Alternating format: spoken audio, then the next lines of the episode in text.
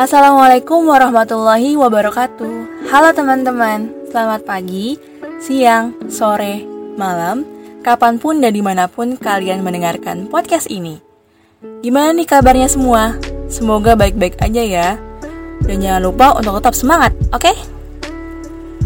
Pada kesempatan kali ini, saya Nabila Cahyaningsi sebagai salah satu anggota dari kelompok 10 akan memperkenalkan rekan-rekan saya yaitu Chania Suryani, Adi Shania Furi, dan juga Putriana. Podcast kali ini akan membahas tentang konflik dan solusi perbedaan dalam human relations. Tanpa tunggu lama-lama, penjelasan pertama akan dijelaskan oleh Chania Suryani. Kepada Chania Suryani, dipersilakan. Selamat mendengarkan semua. Baik, terima kasih Nabila. Saya akan menjelaskan apa sih yang dimaksud dengan konflik. Istilah konflik secara etimologis berasal dari bahasa Latin, yaitu kon yang berarti bersama dan vileger yang berarti benturan atau tabrakan. Pada umumnya, istilah konflik sosial mengandung suatu rangkaian fenomena pertentangan dan pertikaian antar pribadi. Melalui konflik kelas sampai pada pertentangan dan peperangan internasional. Couser mendefinisikan konflik sosial sebagai suatu perjuangan terhadap nilai dan pengakuan terhadap status yang langka. Menurut Ninik dan Yusniati, konflik merupakan suatu fenomena sosial yang sering terjadi dalam masyarakat. Pada dasarnya, manusia merupakan makhluk sosial yang mempunyai tujuan dan kepentingan yang berbeda, di mana dari perbedaan itulah tidak kalanya memunculkan suatu pertentangan atau sebuah konflik sebagaimana konflik didefinisikan sebagai kondisi yang ditimbulkan oleh adanya kekuatan yang saling bertentangan. Konflik merupakan gejala kemasyarakatan yang melekat di dalam kehidupan masyarakat dan oleh karenanya tidak mungkin dilenyapkan. Sebagai gejala kemasyarakatan yang melekat di dalam kehidupan setiap masyarakat, maka ia akan lenyap bersama lenyapnya masyarakat itu sendiri. Selanjutnya yaitu ada konflik dalam hubungan interpersonal. Konflik interpersonal menurut De Vito 1996 adalah konflik yang muncul ketika dua orang atau lebih merasa keinginannya saling bertentangan. Selain keinginannya yang bertentangan, konflik dapat disebabkan oleh kesalahpahaman kecil atau sebagai hasil dari tujuan-tujuan, nilai-nilai, sikap, atau keyakinan yang tidak sama. Sedangkan menurut Uthan, konflik interpersonal sebagai kondisi di mana terjadi ketidakcocokan antar nilai dan tujuan yang ingin dicapai, baik nilai dan tujuan yang ada dalam diri sendiri maupun dalam hubungan dengan orang lain. Konflik interpersonal memiliki beberapa aspek. Aspek-aspek konflik interpersonal menurut Bowles, James, Gary Howard, dan Hitler terdiri dari lima indikator, yaitu tekanan kerja, tuntutan pekerjaan berhubungan dengan tekanan yang berasal dari beban kerja dan waktu yang berlebihan, seperti pekerjaan yang diselesaikan, terburu-buru, dan deadline. Yang kedua, banyaknya tuntutan tugas. Banyaknya tuntutan tugas yang harus diselesaikan menyebabkan karyawan harus dapat membagi waktunya untuk dapat menyelesaikan dengan baik. Yang ketiga, kurangnya kebersamaan keluarga. Hubungan yang penuh konflik dapat terjadi dalam keluarga. Teori ini mempunyai asumsi bahwa setiap individu cenderung memenuhi kepentingan pribadi dan konflik selalu mewarnai kehidupan keluarga. Yang keempat yaitu sibuk dengan pekerjaan. Adanya tekanan dan tugas menyebabkan karyawan sibuk dengan pekerjaannya sebagai tanggung jawab pribadi. Dan yang terakhir yaitu ada konflik komitmen dan tanggung jawab terhadap pekerjaan. Komitmen karyawan merupakan dimensi perilaku penting digunakan untuk menilai kecenderungan pegawai, identifikasi, dan keterlibatan seseorang relatif kuat terhadap perusahaan serta bersedia berusaha keras bagi pencapaian tujuan organisasi. Materi selanjutnya akan dilanjutkan oleh Nabila Cahyaningsi. Kepada Nabila Cahyaningsi saya persilahkan. Terima kasih Chania. Selanjutnya, saya akan menjelaskan tentang cita-cita dan konflik. Pada bahasan kali ini terbagi menjadi dua. Yang pertama, motivasi dalam konteks human relation. Motivasi merupakan bagian dari human relation untuk meningkatkan sumber daya manusia yang ada dalam diri seseorang. Sehingga seseorang yang diberi motivasi dapat bekerja lebih keras, berusaha mencari tingkat tanggung jawab, bekerja tepat waktu sesuai jadwal yang telah ditentukan, dan melakukan pekerjaannya dengan profesional. Dengan kata lain, motivasi dalam human relation itu sangat penting. Yang kedua, konflik internal dalam mencapai cita-cita, harapan, dan tujuan. Konflik internal lebih kepada konflik yang terjadi di dalam kelompok itu sendiri, di mana masing-masing individu mempunyai tujuan, cita-cita, dan keinginan atau harapan masing-masing untuk diperjuangkan, sehingga untuk persaingan meningkat. Dengan kata lain, sering kali terjadi konflik dengan adanya hal tersebut. Selanjutnya adalah pengelompokan konflik internal. Pengelompokan konflik internal terbagi menjadi tiga. Yang pertama, konflik personal. Konflik ini terjadi di antara individu satu dengan yang lainnya. Konflik ini biasanya terjadi dikarenakan adanya ketidakcocokan dengan personalitas masing-masing atau memang tidak menyukai satu sama lain. Yang kedua, konflik intragrup.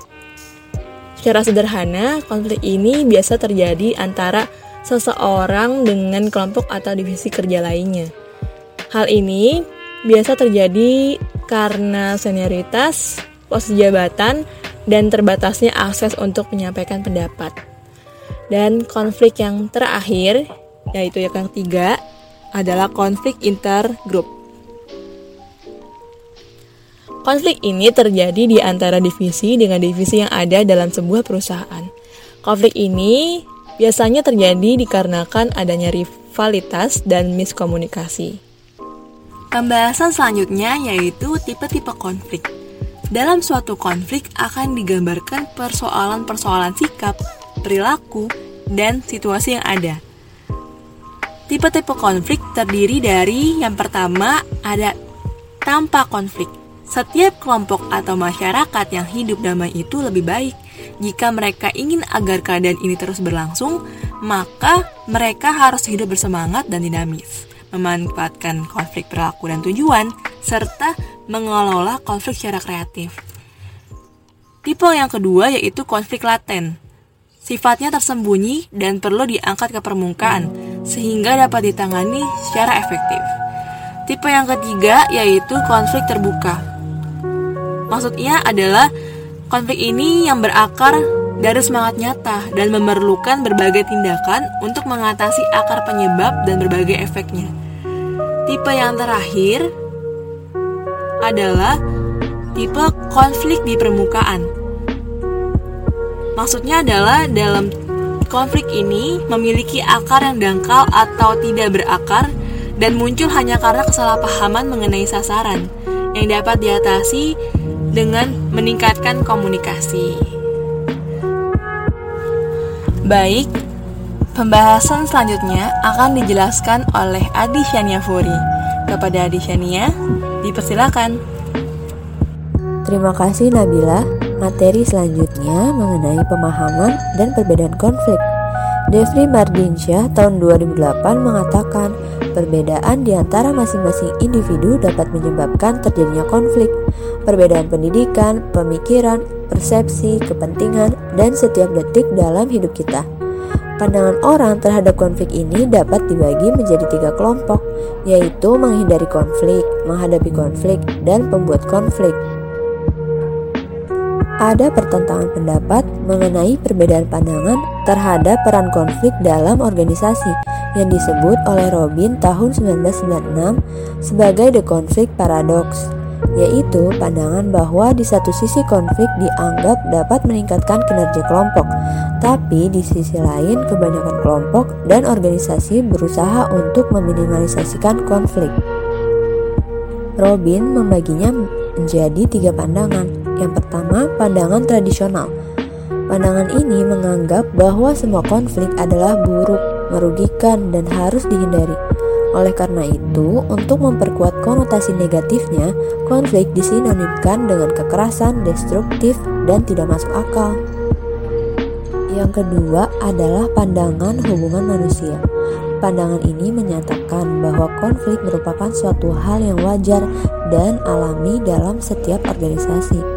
Konflik tidak dapat dihindari ataupun disingkirkan, sehingga kelompok ini menerima keberadaan konflik sejauh konflik tersebut dapat membawa manfaat kerja. Pandangan ketiga yaitu pandangan interaksionis. Dalam pandangan ini, pimpinan justru mendorong terjadinya konflik karena adanya anggapan bahwa kelompok yang tampaknya kooperatif, tenang, dan damai cenderung memiliki sifat apatis, statis, dan minim daya tangkap. Selanjutnya ada konflik positif dan kekuatan konflik. Maksud konflik positif di sini yaitu konflik yang sering terjadi tidak selalu bersifat negatif, seperti diduga banyak orang. Apabila ditelaah secara seksama, konflik mempunyai fungsi positif, yaitu sebagai pengintegrasi masyarakat dan sebagai sumber perubahan. Konflik dan kekerasan adalah hal yang berbeda. Tidak semua konflik memiliki unsur kekerasan. Apabila dapat dikendalikan, tidak serta-merta konflik bermakna negatif Sebaliknya, jika konflik berkembang semakin liar, dapat dipastikan akan meningkat ke dalam bentuk kekerasan. Selanjutnya, kekuatan konflik. Konflik sebagai suatu kekuatan positif. Pertama, kebutuhan untuk menyelesaikan konflik menyebabkan orang mencari jalan untuk mengubah cara-cara berlaku dalam melaksanakan tugas-tugas. Yang kedua, Proses penyelesaian konflik dapat merangsang timbulnya perubahan positif di dalam organisasi bersangkutan. Yang ketiga, upaya untuk mencari cara-cara menyelesaikan konflik bukan saja membuahkan inovasi dan perubahan, tetapi hal tersebut dapat menyebabkan perubahan lebih dapat diterima bahkan diinginkan. Mengintroduksi konflik secara sengaja ke dalam proses pengambilan keputusan kadang-kadang menguntungkan, Apabila suatu keinginan kelompok yang kohesif untuk mencapai kesepakatan berbenturan dengan pertimbangan untuk mencapai pemecahan-pemecahan alternatif, maka dapat berkurang maknanya apabila dimasukkannya konflik untuk mencapai bentuk berupa macam-macam pendapat yang berbeda. Dan terakhir, persaingan yang menyebabkan timbulnya konflik tentang salah satu tujuan atau lebih dapat menimbulkan efek menguntungkan para karyawan yang mengalami suatu suasana kompetitif antara para sesama pekerja yang berhubungan dengan performa, maka dapat dimotivasi untuk mencurahkan upaya lebih intensif guna memenangkan persaingan. Oke, materi selanjutnya akan dijelaskan oleh Putriana. Silakan Putriana. Baik, terima kasih Adishania Furi. Di sini saya akan melanjutkan penjelasan tentang kekuatan dari konflik itu sendiri. Selain daripada kekuatan positif, konflik juga dapat memberikan kekuatan negatif bagi suatu organisasi atau perusahaan. Konflik negatif tersebut di antaranya adalah yang pertama, konflik dapat menimbulkan perasaan tidak enak sehingga menghambat komunikasi yang terjadi dalam suatu organisasi atau perusahaan. Yang kedua, konflik dapat membawa organisasi ke arah disintegrasi atau perpecahan. Lalu yang ketiga, konflik dapat menghalangi kerjasama antar individu dengan gangguan komunikasi yang terjadi tersebut. Yang keempat, konflik dapat memindahkan perhatian anggota organisasi dari tujuan utama organisasi. Yang kelima, sumber daya organisasi habis digunakan untuk menyelesaikan konflik saja. Yang keenam, timbulnya beban psikologikal pada para anggota. Lalu yang terakhir adalah dalam jangka waktu lama, kondisi-kondisi konflik menyebabkan timbulnya kesulitan untuk mencapai hubungan yang saling membantu dan saling percaya mempercayai untuk mencapai tujuan perusahaan atau organisasi tersebut. Selanjutnya, saya akan menjelaskan tentang gaya manajemen konflik. Nah, sebelum saya menjelaskan tentang gaya manajemen konflik tersebut, saya akan uh, memaparkan terlebih dahulu apa itu gaya manajemen konflik atau pengertian dari gaya manajemen konflik. Menurut Wirawan, Gaya manajemen konflik adalah pola perilaku seseorang dalam menghadapi situasi konflik. Selain daripada itu, Winardi juga berpendapat bahwa gaya manajemen konflik merupakan pendekatan yang dilakukan seseorang dalam menghadapi suatu situasi konflik yang berhubungan dengan cooperativeness atau sikap kooperatif dan assertiveness atau ketegasan. Konflik juga menurut Robin adalah suatu proses yang mulai bila satu pihak merasa bahwa suatu pihak lain telah mempengaruhi secara negatif atau akan segera mempengaruhi secara negatif. Dari ketiga definisi tersebut, dapat disimpulkan bahwa gaya manajemen konflik merupakan pola perilaku seseorang dalam menghadapi suatu episode konflik yang berhubungan dengan cooperativeness atau sikap kooperatif dan assertiveness atau ketegasan. Setelah kita memahami apa yang dimaksud dengan gaya manajemen konflik, selanjutnya saya akan menjelaskan macam atau jenis dari gaya manajemen konflik tersebut. Pola perilaku orang dalam menghadapi situasi konflik disebut dengan gaya manajemen konflik. Adapun Black dan Mountain merupakan pendahulu yang menggunakan istilah gaya manajemen konflik ini. Kemudian mengembangkan teori yang disebut dengan teori grid. Teori ini disusun berdasarkan dua dimensi, yaitu perhatian manajer terhadap orang atau bawahan dan perhatian manajer terhadap produksi. Kedua dimensi ini dikembangkan menjadi lima jenis gaya manajemen konflik. Lima jenis uh, gaya manajemen konflik ini di antaranya adalah yang pertama, memaksa atau forcing. Memaksa yaitu berupa memaksakan kehendak untuk meningkatkan produksi dengan mengabaikan orang lain jika menemui suatu konflik. Lalu yang kedua adalah konfrontasi atau confrontation, yaitu berupa berkonfrontasi untuk meningkatkan produksi dan dalam waktu bersamaan konfrontasi untuk memperhatikan orang yang dipimpinnya. Yang ketiga, kompromi atau compromising, yaitu berkompromi mengenai tingkat produksi organisasi demi memenuhi kesejahteraan bawahannya. Yang kelima adalah menarik diri atau withdrawal, yaitu bersikap secara pasif seolah-olah tidak terjadi konflik dan tidak mau menghadapi konflik.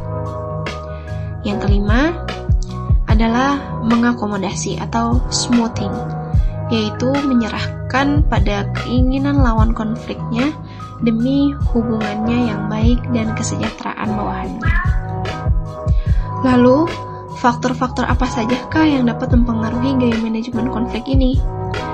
Menurut Wirawan, faktor-faktor yang dapat mempengaruhi gaya manajemen konflik antara lain asumsi mengenai konflik tersebut, pola komunikasi dalam interaksi konflik, kekuasaan yang dimiliki, kepribadian, situasi konflik dan posisi dalam konflik.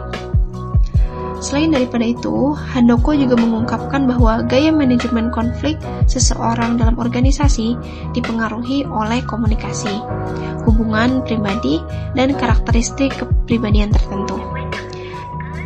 Dari ketiga uraian pendapat tersebut, dapat kita tarik kesimpulan bahwa faktor-faktor yang dapat mempengaruhi gaya manajemen konflik adalah kecerdasan emosional, asumsi mengenai konflik, pola komunikasi, kekuasaan yang dimiliki, hubungan pribadi, karakteristik kepribadian, situasi konflik, dan posisi dalam konflik. Baik, itu tadi merupakan penjelasan terakhir dari rekan saya, yaitu Putriana. Dari berbagai pemaparan materi sebelumnya, dapat disimpulkan bahwa konflik tidak harus melulu soal dampak negatif yang diberikan kepada sebuah organisasi atau perusahaan. Namun, konflik juga dapat memberikan dampak positif bagi perusahaan. Salah satu contohnya yaitu dengan bertambah eratnya hubungan karyawan di dalam sebuah perusahaan. Saya, Nabila Cahyaningsi, mewakili rekan-rekan saya di kelompok 10 akan mengakhiri podcast ini. Semoga podcast ini dapat bermanfaat bagi kita semua. Akhir kata saya ucapkan, sekian Dan terima kasih. Wassalamualaikum warahmatullahi wabarakatuh.